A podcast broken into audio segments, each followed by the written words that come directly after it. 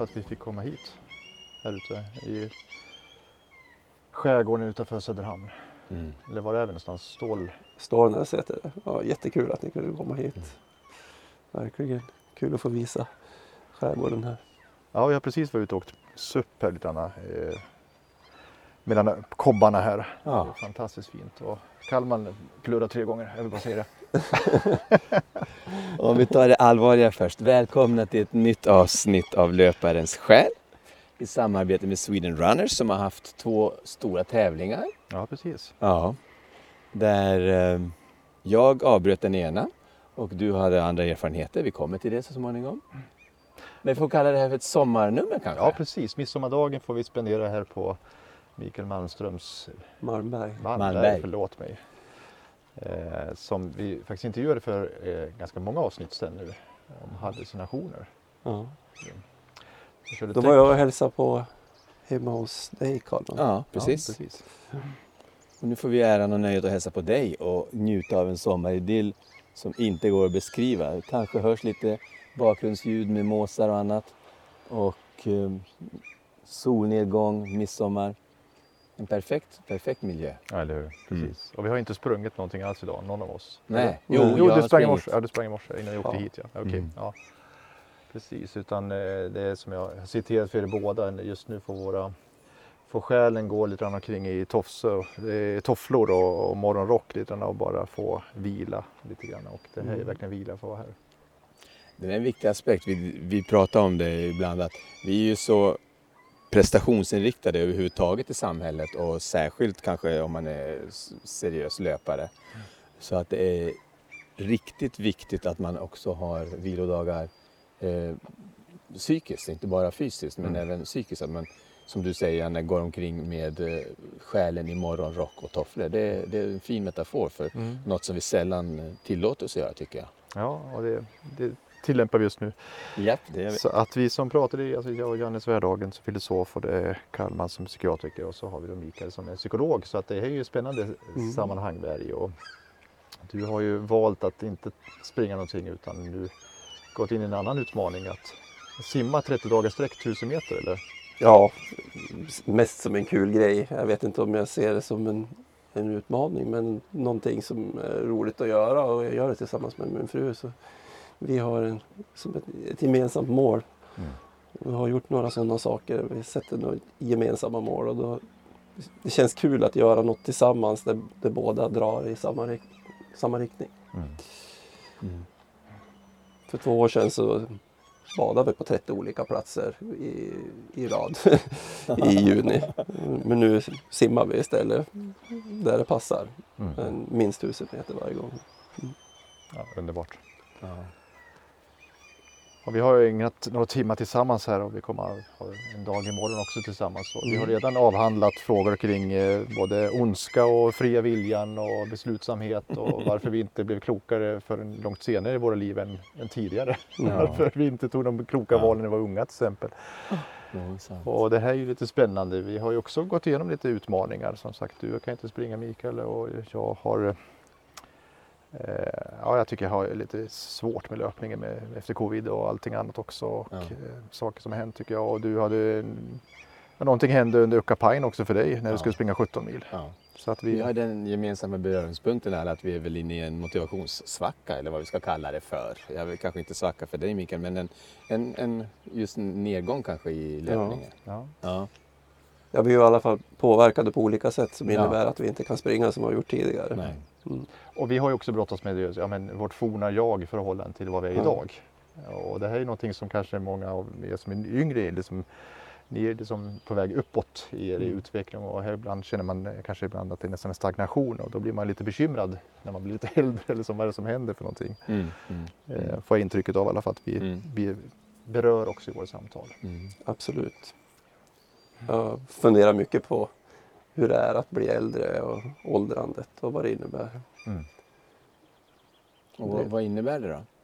Ja, det innebär ju att man inte kan göra saker på samma sätt som tidigare i alla fall. Sen kanske man kan göra andra saker. Men, men hur- för, för, hur- för min del så är- är det ju uppenbart att kroppen inte funkar som tidigare. Och hur förhåller du dig till det faktum att du tappar funktioner? Ja, det är en sorg skulle jag säga. Eh, som kanske inte känns lika påtaglig just nu som den gjorde för ja, ungefär ett halvår sedan. Då var det mycket, mycket jobbigare och då var jag ju mer påverkad utav att inte kunna springa. Mer emotionellt påverkad utav kanske inte bara sorg utan bara känslan att inte kunna springa kändes i hela mig och i mitt psyke. Mm. Och det här, är en del, det här är en sak som angår dig. Det handlar inte i förhållande till andra utan det här är din kamp Ja, du håller på med. ja, För ofta kan det också vara att jag menar, man känner press utifrån andra har sett en göra eller att man borde ha varit med i den här tävlingen. Eller, mm. eh, men jag kan tänka mig att det just i ditt fall låter det som att det är mer det är en inre kamp så att säga. ja. Och då kändes det väl som också att tvingas släppa tag om en massa drömmar och Mm. förväntningar på vad löparlivet skulle fortsätta att ge. Och nu tänker jag att det får stå på vänt ett tag och så får jag se vad som, vad som kan hända. Mm. Och att jag är okej med det. Tidigare så kände jag att jag hade bråttom. Just för att, att jag blev äldre. Mm. Att jag måste göra det nu. Alla de här sakerna som jag tänkte att jag ville göra. Innan det blir för sent. Innan det är för sent. Och nu tänker jag att ja, jag kanske inte kommer att kunna göra dem. Men jag kanske kommer att kunna göra andra saker Mm. Mm. inom löpning. Jag, jag tänker inte att det är helt kört längre. Jag, jag får se. Mm. Mm. Ja, vi har diskuterat det här innan. Eh, Vi har haft ett långt samtal innan vi eh, satte på mikrofonen så att säga. Här. Och, Mm.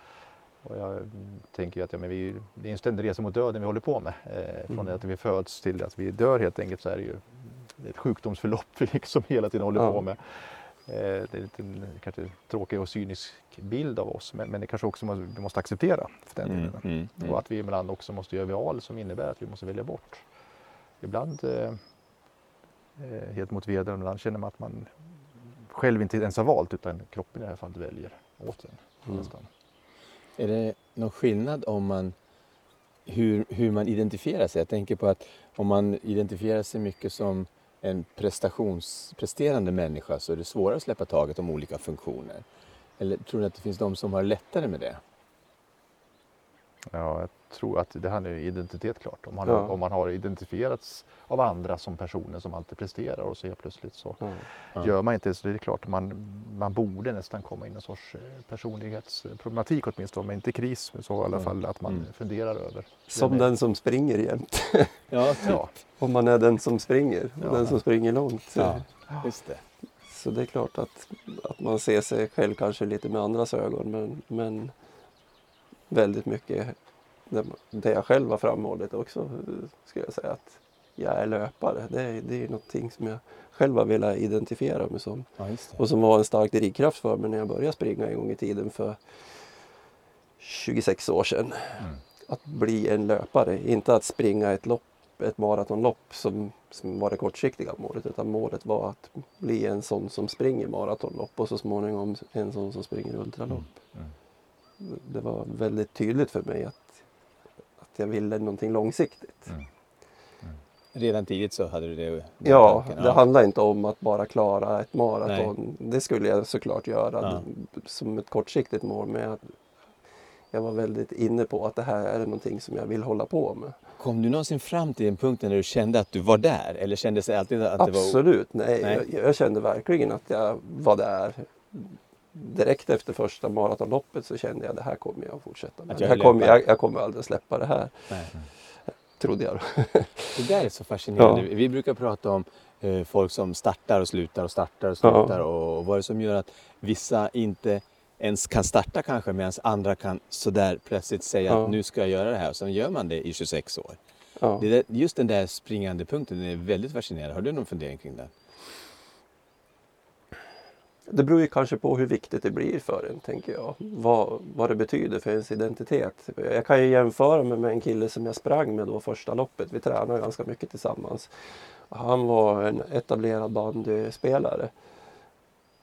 Och han bröt loppet och tyckte inte att det var något speciellt viktigt eller kul.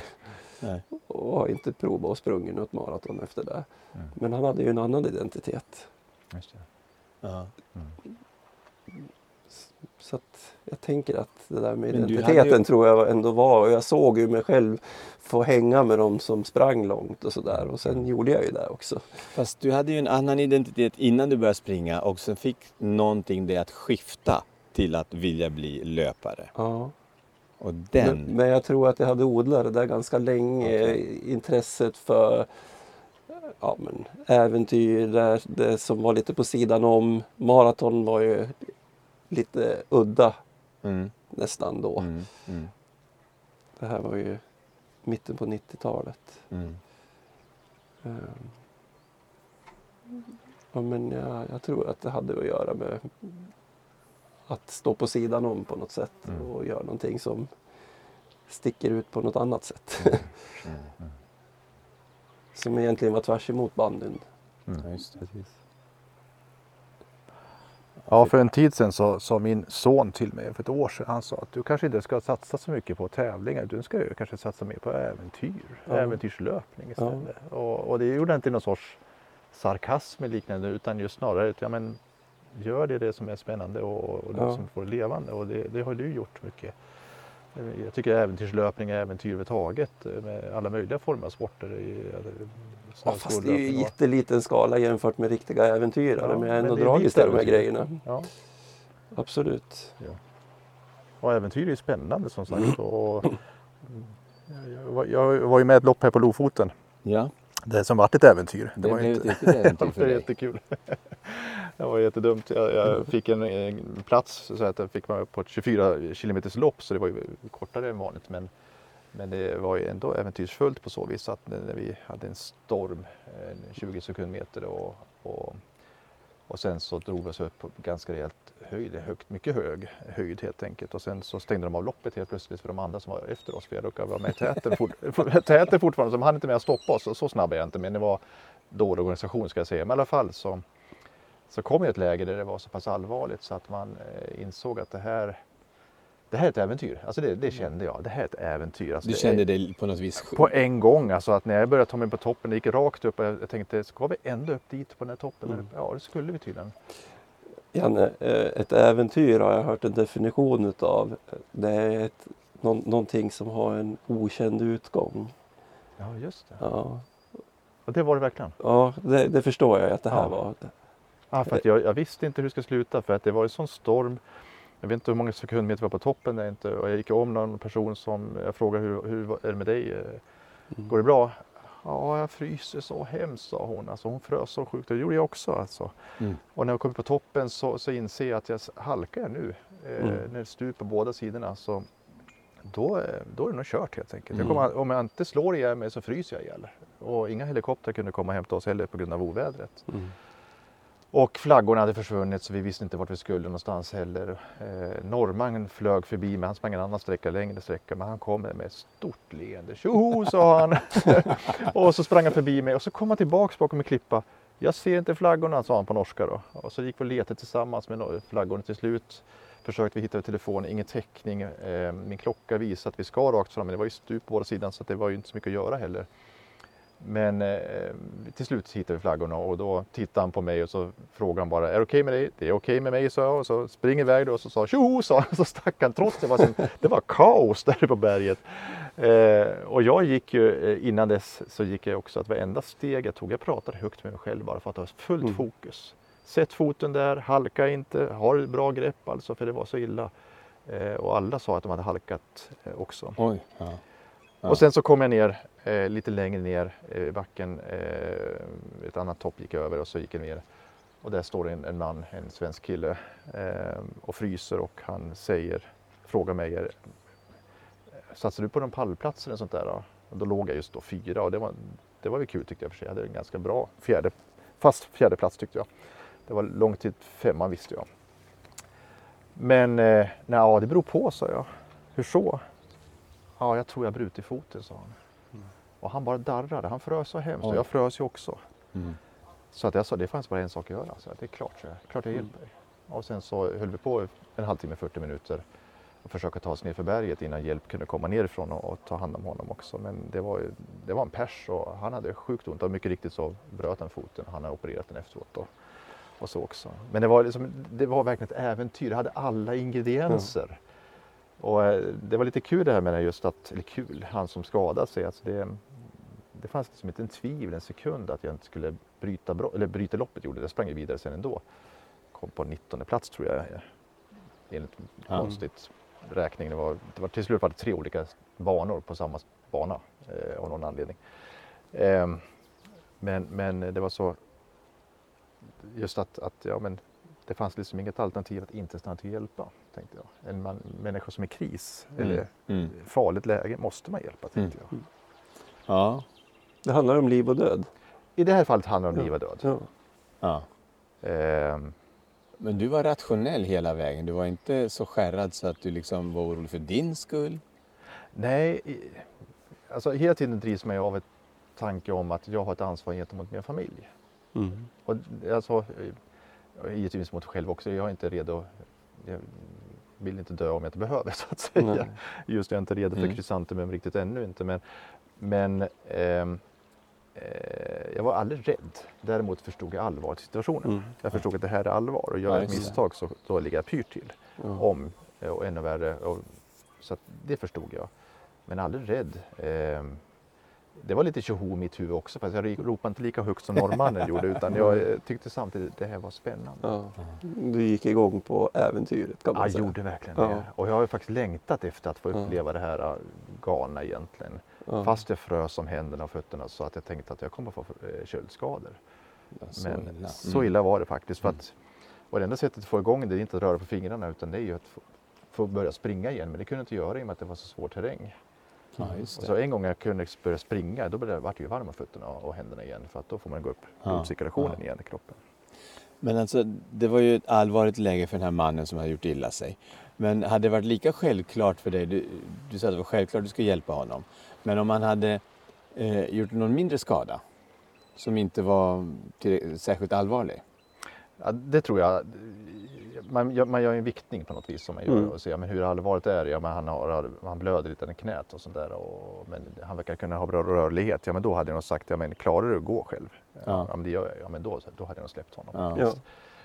Ja. Sådana, men Ja. när man ser liksom att han, han får smärta, eh, väldigt smärta varenda steg han tar. Ja. Och, och jag ser terrängen nedanför, alltså det är bara Mm. lerbäckar eh, nere vi har framför oss. Ja. Och, och svår terräng, då, då fanns det inga alternativ. Nej. Nej.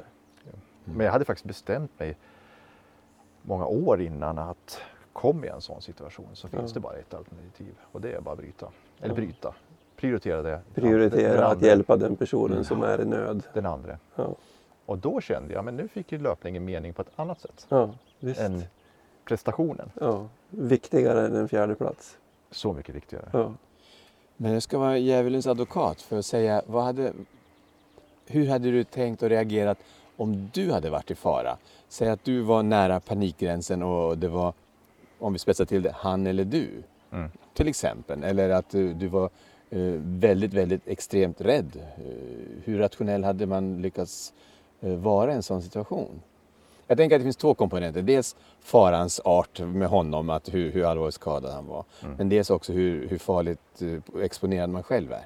Ja just det, om jag själv skulle eh, Ja. få problem utifrån Ja. att jag hjälper en annan person. Ja, Mm. Jag tror att den gränsen skulle vara väldigt långt borta innan man själv prioriterar sig själv. ja. Det tror jag faktiskt. Jag Det skulle tror nog lidit igenom honom och frysit igenom honom så länge jag måste göra det helt Ja. enkelt. Eh, för jag gick med honom tills en annan person kom nerifrån och kunde ta över. Ja. Jag kunde ta och ge, ge honom en, en jacka och, så att han fick lite värmen. Och, ja. Ja. och då kollade jag liksom med henne, är det okej att du tar hand om honom nu? Ja, Ja. det är okej, sa hon då. Och då kunde jag släppa det. Men jag tror att det skulle gå mycket långt innan jag skulle släppa en person innan, eh, om det ännu skulle vara fara för mitt, mitt liv. Det tror jag. Jag tror att, och det här handlar liksom... Riktig altruism. Ja, det är altruism, men det är ju, vi pratade tidigare om Kants kategoriska imperativ, men och Kant säger just ja, men handla enligt den maxim eller den lag som, eller den regel som du skulle upp, se som upphöjd lag. ja. Det vill säga att jag kan tänka mig att alla skulle agera på det här viset. Ja.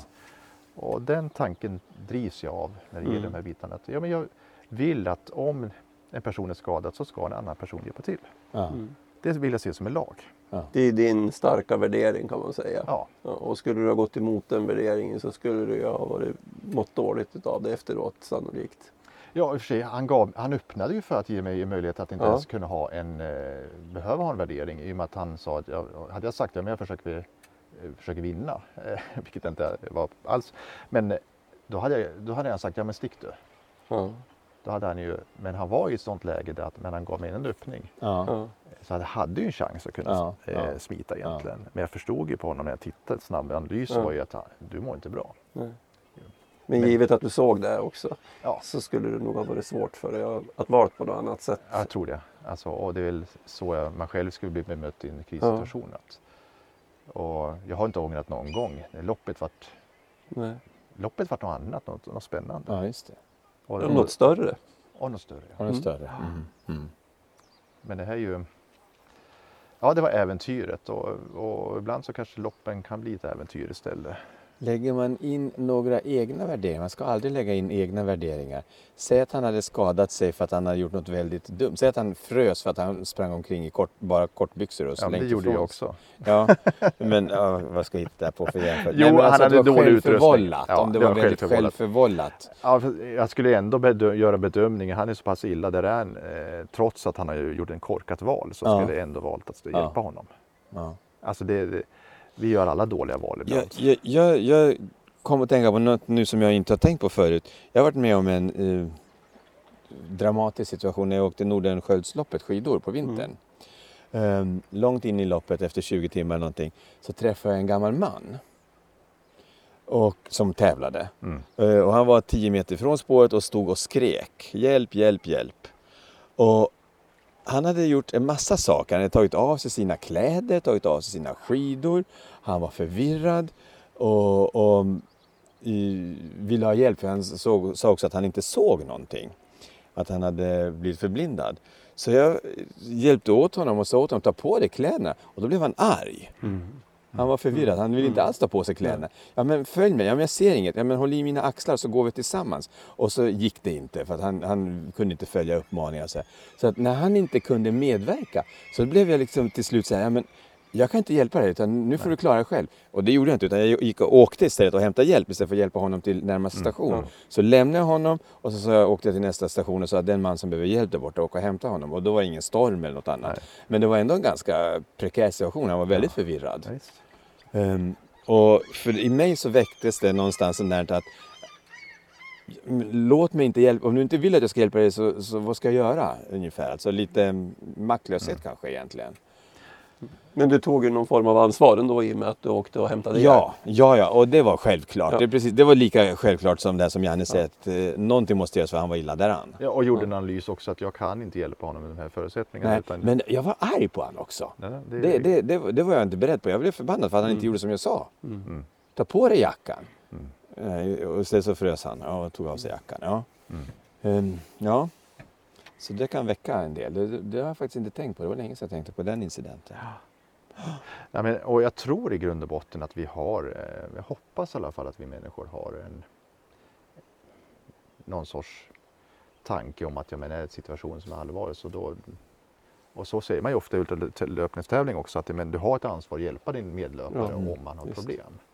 Det står i reglerna. Det står i reglerna också. Och men jag tror att det skulle inte ens behöva stå egentligen, eller vad tänker ni? Jo, jag tycker det ska stå i reglerna. Absolut. jag tycker det är jätteviktigt att det står i reglerna. Vi har ju arrangerat swimrun-tävlingar här i Söderhamn och det, där är det ju väldigt tydligt att dels har, så hjälper man sin partner. Mm. Man, simmar, man kör ju 2-2 i swimrun. Ja. Men också att om, om det är några som är i nöd så, så är ni skyldiga att hjälpa till. Ja. Det, det hade vi som en uttalad regel. Ja. Säkerheten måste ju gå före. Mm. Ja. Det, det är ju bara lek det vi håller på med ändå. Även om det blir ett äventyr utav det så är det ju bara lek. ja, absolut. Och kan man förhindra att någon skadas allvarligt eller dör när vi Mm. leker så, Mm. så är vi väl skyldiga att göra det. Mm. Sen kan vi, kan vi kanske inte förhindra det till 100 procent eftersom det är vissa saker är på gränsen som det, du, det här loppet du var med på. Då. Men tror ni inte, och nu kommer vi egentligen på människans beskaffenhet, alltså är, är vi människor inte funtade på det viset att vi hjälper vår nästa eller är det bara någon utopisk tanke jag har om, om hur vi borde vara? Jag tror det är jättemycket kontextstyrt. Mm. Vad, vad befinner vi oss i för sammanhang? Det finns sammanhang där, där det är bara var och en för sig själv och det finns sammanhang där det är naturligt att vi hjälper till också. Mm. Sen, sen finns det säkert individuella variationer på det beroende på vad man har Ja, med från tidigare i livet. Ja, det, kontexten spelar klart. Har man ett maratonlopp med givna stationer och folk ute längs spåret, sånt, då, det, då vet man om att annat folk finns där. Ja, Kör man mitt i natten på Ucapine och det, man vet om det är fem, två och en halv mil till nästa station, Ja, eller en och en halv mil, ja. eh, då är det en annan situation. Ja. Och ing, mitt i natten, ingen annan finns där. Kontext är en sak, men också kulturen. Vi brukar ju prata om det där att det är olika eh, vad heter det, grenar, olika sportgrenar har man olika mm. attityder. Mm. Jag brukar eh, ta cykling som en av de dåliga avskräckande exemplen när folk är elaka mot varandra Mm. istället för att hjälpa varandra. Mm. Mm. Försöker sabotera och slänger vattenflaskor i hjulen på varandra och så. Ehm, och ultralöpning är motsatsen. Precis. Där, där finns det Mm. liksom en komraderi kallar jag det för. Mm. Och det där är också intressant. Vad är det som sätter den kulturen? Mm, Jag tror att man är väldigt utsatt och då blir man mycket ödmjukare och mycket mera eh, vänligt inställd om man säger så. Eller Micke tänker.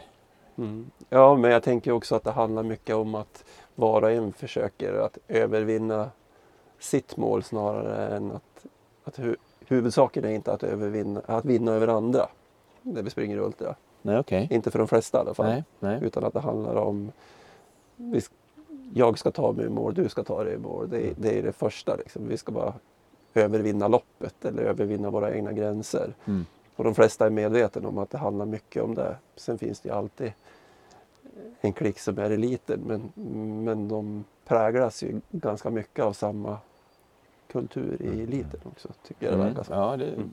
måste jag säga. Det tror jag. Att Man ser ju många exempel på många lopp där, där de springer med varandra många mil. De som kämpar om segern. Och de kanske springer med varandra 10 mil och sen så springer de ifrån varandra på de sista milen. Mm. Ja, Men att de Ja. stöttar varandra ja. ja länge. just det. Mm. Vi Ja, är här, i det här tillsammans. Mm, Det finns ett, eh, ofta ett samtal som pågår också. Ja. Ehm, Men Precis. sen så sista biten vet alla om också att ja, men okej, nu vi verkar friska allihopa. Ja, då, då var det en för sig kanske Ja. i ledningen så att säga. Och du menar då att den, den, spring, den viktiga skillnaden är att man tävlar mot sig själv mer? Ja, Okej. och vi är alla medvetna om att det finns den här kampen mot Mm. sträckan snarare än En medlöpare? ja, Mm. en medlöpare. Precis. Mhm. Det var en bra tanke, jag har inte tänkt den. Jag har tänkt ganska mycket ofta också att pengar gör saker med oss. Mm. Det vill säga när det är prispengar inblandat så blir det ju mycket vassare sport. Som proffscykling Mm. eller, eller annat. Mm. Ja. Visst. Fast, jag- ja, fast jag vill ju hellre vara den som ser den andra än tar pengarna. alltså, jag vill, Mm. att, jag vill Mm. att vi människor skulle kunna drivas av det men jag är fortfarande ganska utopisk i mina tankar och Mm. kanske naiv i min, min eh, argumentation här just nu. Men Att vi skulle kunna drivas av att... man ser den andra, alltså den, min andra är den personen som finns i loppet framför mig eller bakom mig eller bredvid mig. Mm, och liknande. Det är min andra, den som har, är i nöd. Mm. Min andra är, är den som, som eh, Min håller, på, nästa. håller på, min nästa som håller på att drunkna. Det, är som, då, det handlar om att det, det, det finns bara ett alternativ. Mm. Jag måste agera. Mm. Mm. Men jag tänker att kulturen skulle ju säkert kunna förändras om det var väldigt mycket pengar i sporten.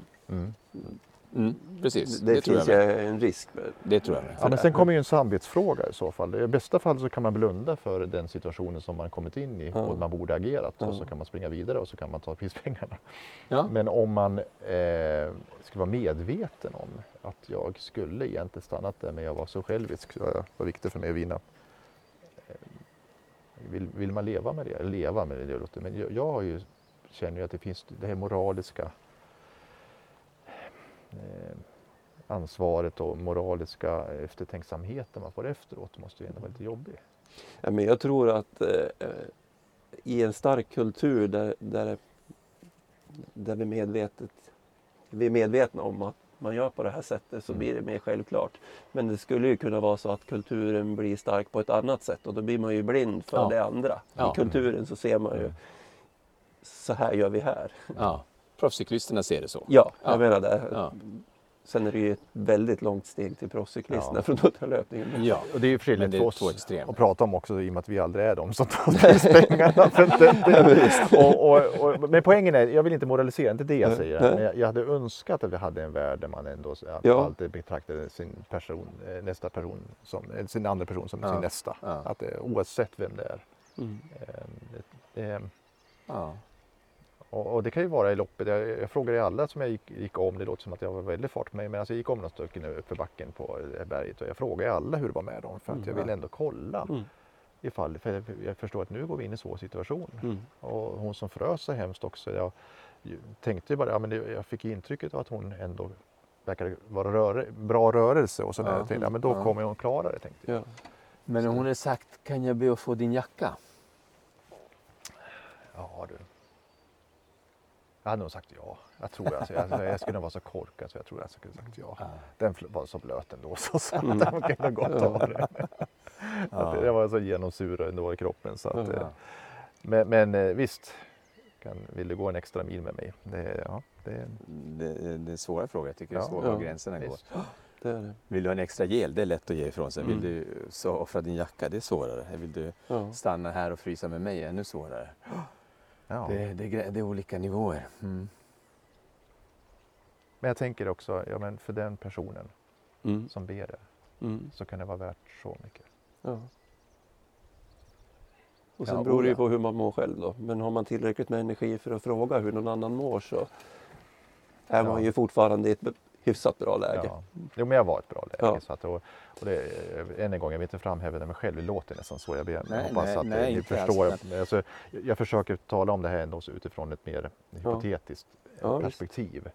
Att, att vi har ett ansvar gentemot varandra. Mm, Och mm. det ser vi i Absolut. ultrasammanhang. Mm. Men Ja. du nämnde ju också att du fick det på Stockholm Marathon när du fick kramp eller vad för någonting. Ja men precis 2012 då när det var så kallt och så eh, snubblade jag på ett ställe och fick sån kramp så jag klarade inte av att resa mig upp. Jag försökte flera gånger men jag, jag kom inte upp. Mm. Folk bara sprang förbi mig liksom. Och i min upplevelse så tog det lång tid innan någon stannade. Ja. Men den personen som stannade var jag ju väldigt tacksam för att han Ja. stannade. Och du vet inte, Han stannade och hjälpte mig upp. Och såg till att jag kom igång och kunde springa en gång igen. Och så pratade vi ett tag och sen sprang han iväg. Det var ju några hundra som inte stannade. Ja, ja det var det. Det Ja. var några hundra. och det var ju inte eliten heller. Nej, nej. Nej, men alltså du förstår, jag tänkte. Det är verkligen Ja. inte. Nej, utan det är så här, tre och en halv timmes löpare. Mm. Kommer du ihåg vad han hette? Nej, ingen aning. Det är sånt där man ångrar efteråt. Ja, man undrar, vad- vem var det egentligen som Mm. hjälpte mig? Mm. Mm. Ja. Det är när man, inte, när man behöver det och när man inte förväntar det. Det är då det känns så starkt. Det är Ja. då det gör mycket nytta. Ja, säga. visst. Ja. Men en sån som eh, bara lägger av helt plötsligt, som hade kanske behövt stödet på Uckapajen till exempel och bara känner att nej, jag bara gav av. jag pratar om dig Ja, Kalmar. du pratar om mig, vi kan prata i klarspråk. Nej, men mig, jag var bortom all räddning, det är jag helt övertygad om. Jag hade inte lust att springa överhuvudtaget, inte ens när jag åkte upp till starten. Jag försökte intala mig att jag ville springa. Och sen var jag med om någonting som jag aldrig någonsin har varit förut. Det är att jag har tappat löparlusten. Jag hade ingen Mm. lust med det loppet. Nej. Så att jag sprang i två mil, jag ska springa 17. Jag sprang i två mil, sen gick jag fem mil och sen slutade jag. Ja. Ja, Mm. och åkte hem. Och sen dessutom tappar du lusten därefter också. Ja, jag har inte fått tillbaks den så att jag har avbokat alla tävlingar och så. här. Och det som är skrämmande det är att jag inte begriper vad det är som händer. Det tycker jag är skrämmande. Jag förstår inte alls vad som gör att jag inte längre vill springa för det har jag inte varit med om förut. Eh, Det har inte hänt något, kroppen var alldeles utmärkt. Och jag vet inte vad det är. Och det tycker jag att inte förstå är, är otäckt eller obehagligt. Är det här någonting mer än att Mm. tappa sitt varför som vi har pratat om förut? Är det någonting annat? Nej, det- nej, det tror jag inte. Det är nog det. Mm. Fast det är en ganska stor del, precis som du sa med- om identiteten. Att eh, jag är också, ser mig också som löpare. Ja. Och att då liksom inte vilja vara löpare plötsligt, det är skrämmande. Det är starkt. Det Så- låter jobbigt. Det är jättejobbigt. Det är Mm. en stor omställning. Så Mm. att vi, har, vi har alla våra lite olika vinklingar på samma kris. Men, men eh, det är en jättestor omställning. Och min tanke är, vad händer om jag bara gör det som är roligt nu? Så nu ska jag som sagt inte tävla på länge och nu ska jag bara göra roliga saker. Mm. Om det hjälper vet jag inte, men det är det enda jag kan komma Mm. på just nu. Men roliga fysiska saker eller tänker Ja, du på? eh, även löpning. Ja. Springa liksom fun run. Ja, just Ja. Mm. Eh, Och kanske också byta gren lite har jag varit Ja. inne på. Jag kanske ska cykla mer eller någonting sånt. Mm. Du, du eh, är prestationsinriktad i ganska hög omfattning. Ja. Och, men du sa idag när vi åkte hit, vi skulle ju cyklat hit egentligen men jag känner mig rätt så kass. Ja. Så att jag tyckte det var dum idé att cykla 20 mil i 29 graders värme. Ja. Eh, Så vi tog bilen men sen så tackade du mig för det. Ja. Jo. Och sa vad skönt att vi blev så avslappnade. Ja. och det vart inget prestation med fysisk Nej. prestation. Det, det är skönt. Jag är prestationsinriktad. Men det är skönt också att omvärdera. För jag är mera så här att har vi bestämt något, då ska det mycket till innan jag bryter. Det är ett lopp Mm. eller det gäller vad som helst. Har vi sagt att eh, vi ska cykla, då ska det mycket till innan jag säger nej till Mm. cyklingen. Ehm, Jag har mycket svagare själ så det är lättare för mig. Ja, det var det jag försökte säga. nej, nej, nej, men eh, och jag behöver träna på, för det är väl en form av ödmjukhet också att kunna omvärdera och inte lägga så mycket prestige i det hela. Mm. Eller vad du ska kalla det för. Motivation, jag vet inte vad jag ska kalla det för. Så det var skönt att du tog det beslutet åt oss. Absolut, Mm. jättebra. Det var inte lätt. Jag förstod, för jag förstod att du skulle ha jobbet med det. Du förstod det? Ja, jag förstod att det här kommer han bli besviken på mig också. Ja, och det är ju det också, man, är man, fler så är man ju rädd att man ska göra en annan besviken. ja. Nej, du har inte gjort mig besviken. Du gjorde mig väldigt nöjd. Var härligt. Mm. Men det kanske är en process som du behöver gå igenom. Ja. Att släppa prestation lite grann för att Ja. hitta tillbaka till glädjen. Ja. För prestation kan ju döda lusten. Ja, ja. Mycket, mycket Det är ju liksom så. en, en yttre motivationsfaktor att prestera för ett visst mål. Medan inre motivation det är ju själva upplevelsen i sig. Ja, Ja, att, att vara ute och springa i naturen eller springa med en kompis eller att uppleva loppet oavsett prestation. ja, Det är ju det inre. Prestationen är ju någonting som du lägger på utifrån för att kanske öka drivet tillfälligt men okej. det behöver ju inte vara så långsiktigt. Det inre är ju mer långsiktigt. Ta det en gång till, jag Mm. förstod inte riktigt. Men om man tänker sig att du sätter ett, ett mål. Det är någonting yttre Ja, som du kämpar för. Nu tränar jag för det här målet för jag ska klara ja. det här loppet. Det är Det yttre är in- motivatorer. Du ja, har, det kan vara Och- prispengar eller vad och- som helst. Ja. Då kan du ju genom att göra olika aktiviteter, träning, få kontakt med din inre motivation när du tycker det är roligt, när det känns bra, när du mår gott av det. Ja. Ja. Så målet kan ju hjälpa dig att få inre motivation. Ja. Men om prestationen är för viktig, kanske du tappar det inre. Ja. Du lyssnar inte på vad ja, kroppen behöver och din Ja. hjärna behöver. precis. Då kan prestationen döda Mm. den inre Mm. motivationen. Det kanske är där du pratar om nu. Det låter nästan som så, Ja. så när jag hör vad jag själv sa alldeles nyss och Ja. vad du säger. Precis. Ja. Jag vill bara ha roligt nu en stund. Ja. Ja. Precis, det låter så. Det är väldigt intressant att prestation kan inte vara roligt. Eller i det här fallet, ja, men jag, nu vill jag bara ha roligt. Då Ja. släpper jag prestationen. Mm. Ja. Så länge de kan gå tillsammans så funkar det ju. Ja. så länge man kan Och, gå och tillsammans. det, det, har du det har du gjort fram till nu Det har egentligen? jag gjort fram till nu och Ja. jag har gillat att prestera och jag tycker om att tävla och vara med och, Ja. och sådär. Och göra långa sträckor. Men, men nu går de inte i takt längre. Nej, Mm, just det. just det. Så det är inte konstigt, det var väldigt förnuftigt sagt. Mm. Intressant. Mm. Det kanske är en del av åldrandet tänker jag. Att vi måste arbeta med att eh, släppa taget om prestationen och lägga mer fokus på den inre motivationen och att det är svårt att få dem att gå i takt.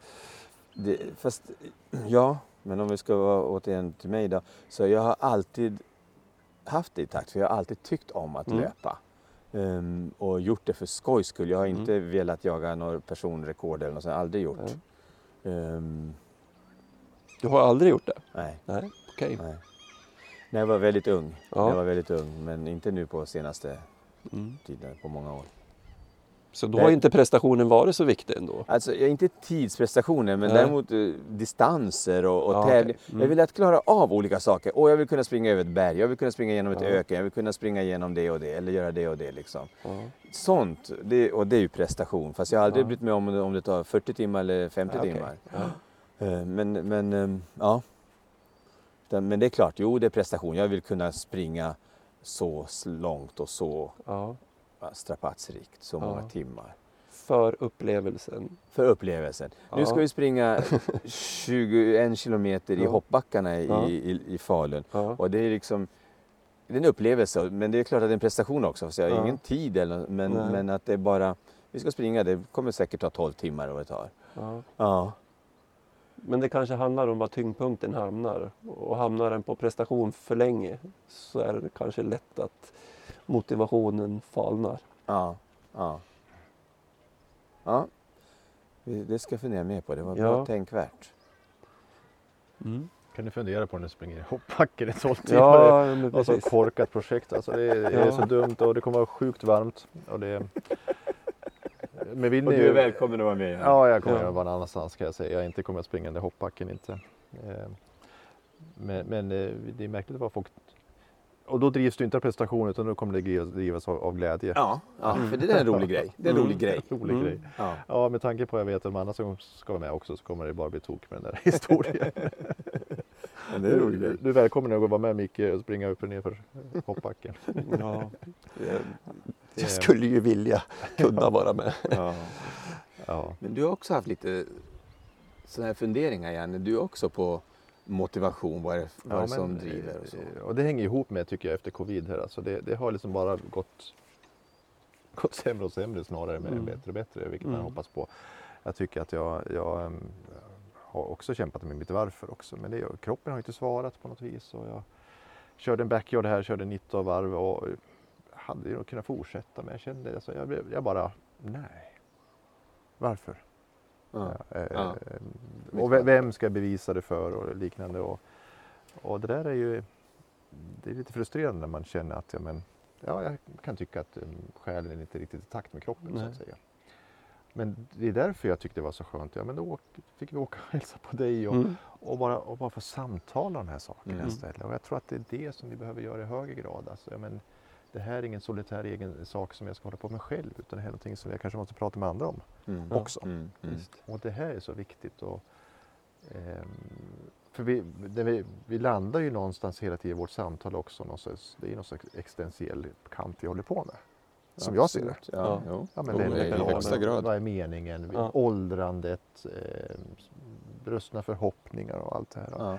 Alltså det, det, löpning är ju livet i miniatyr. Mm.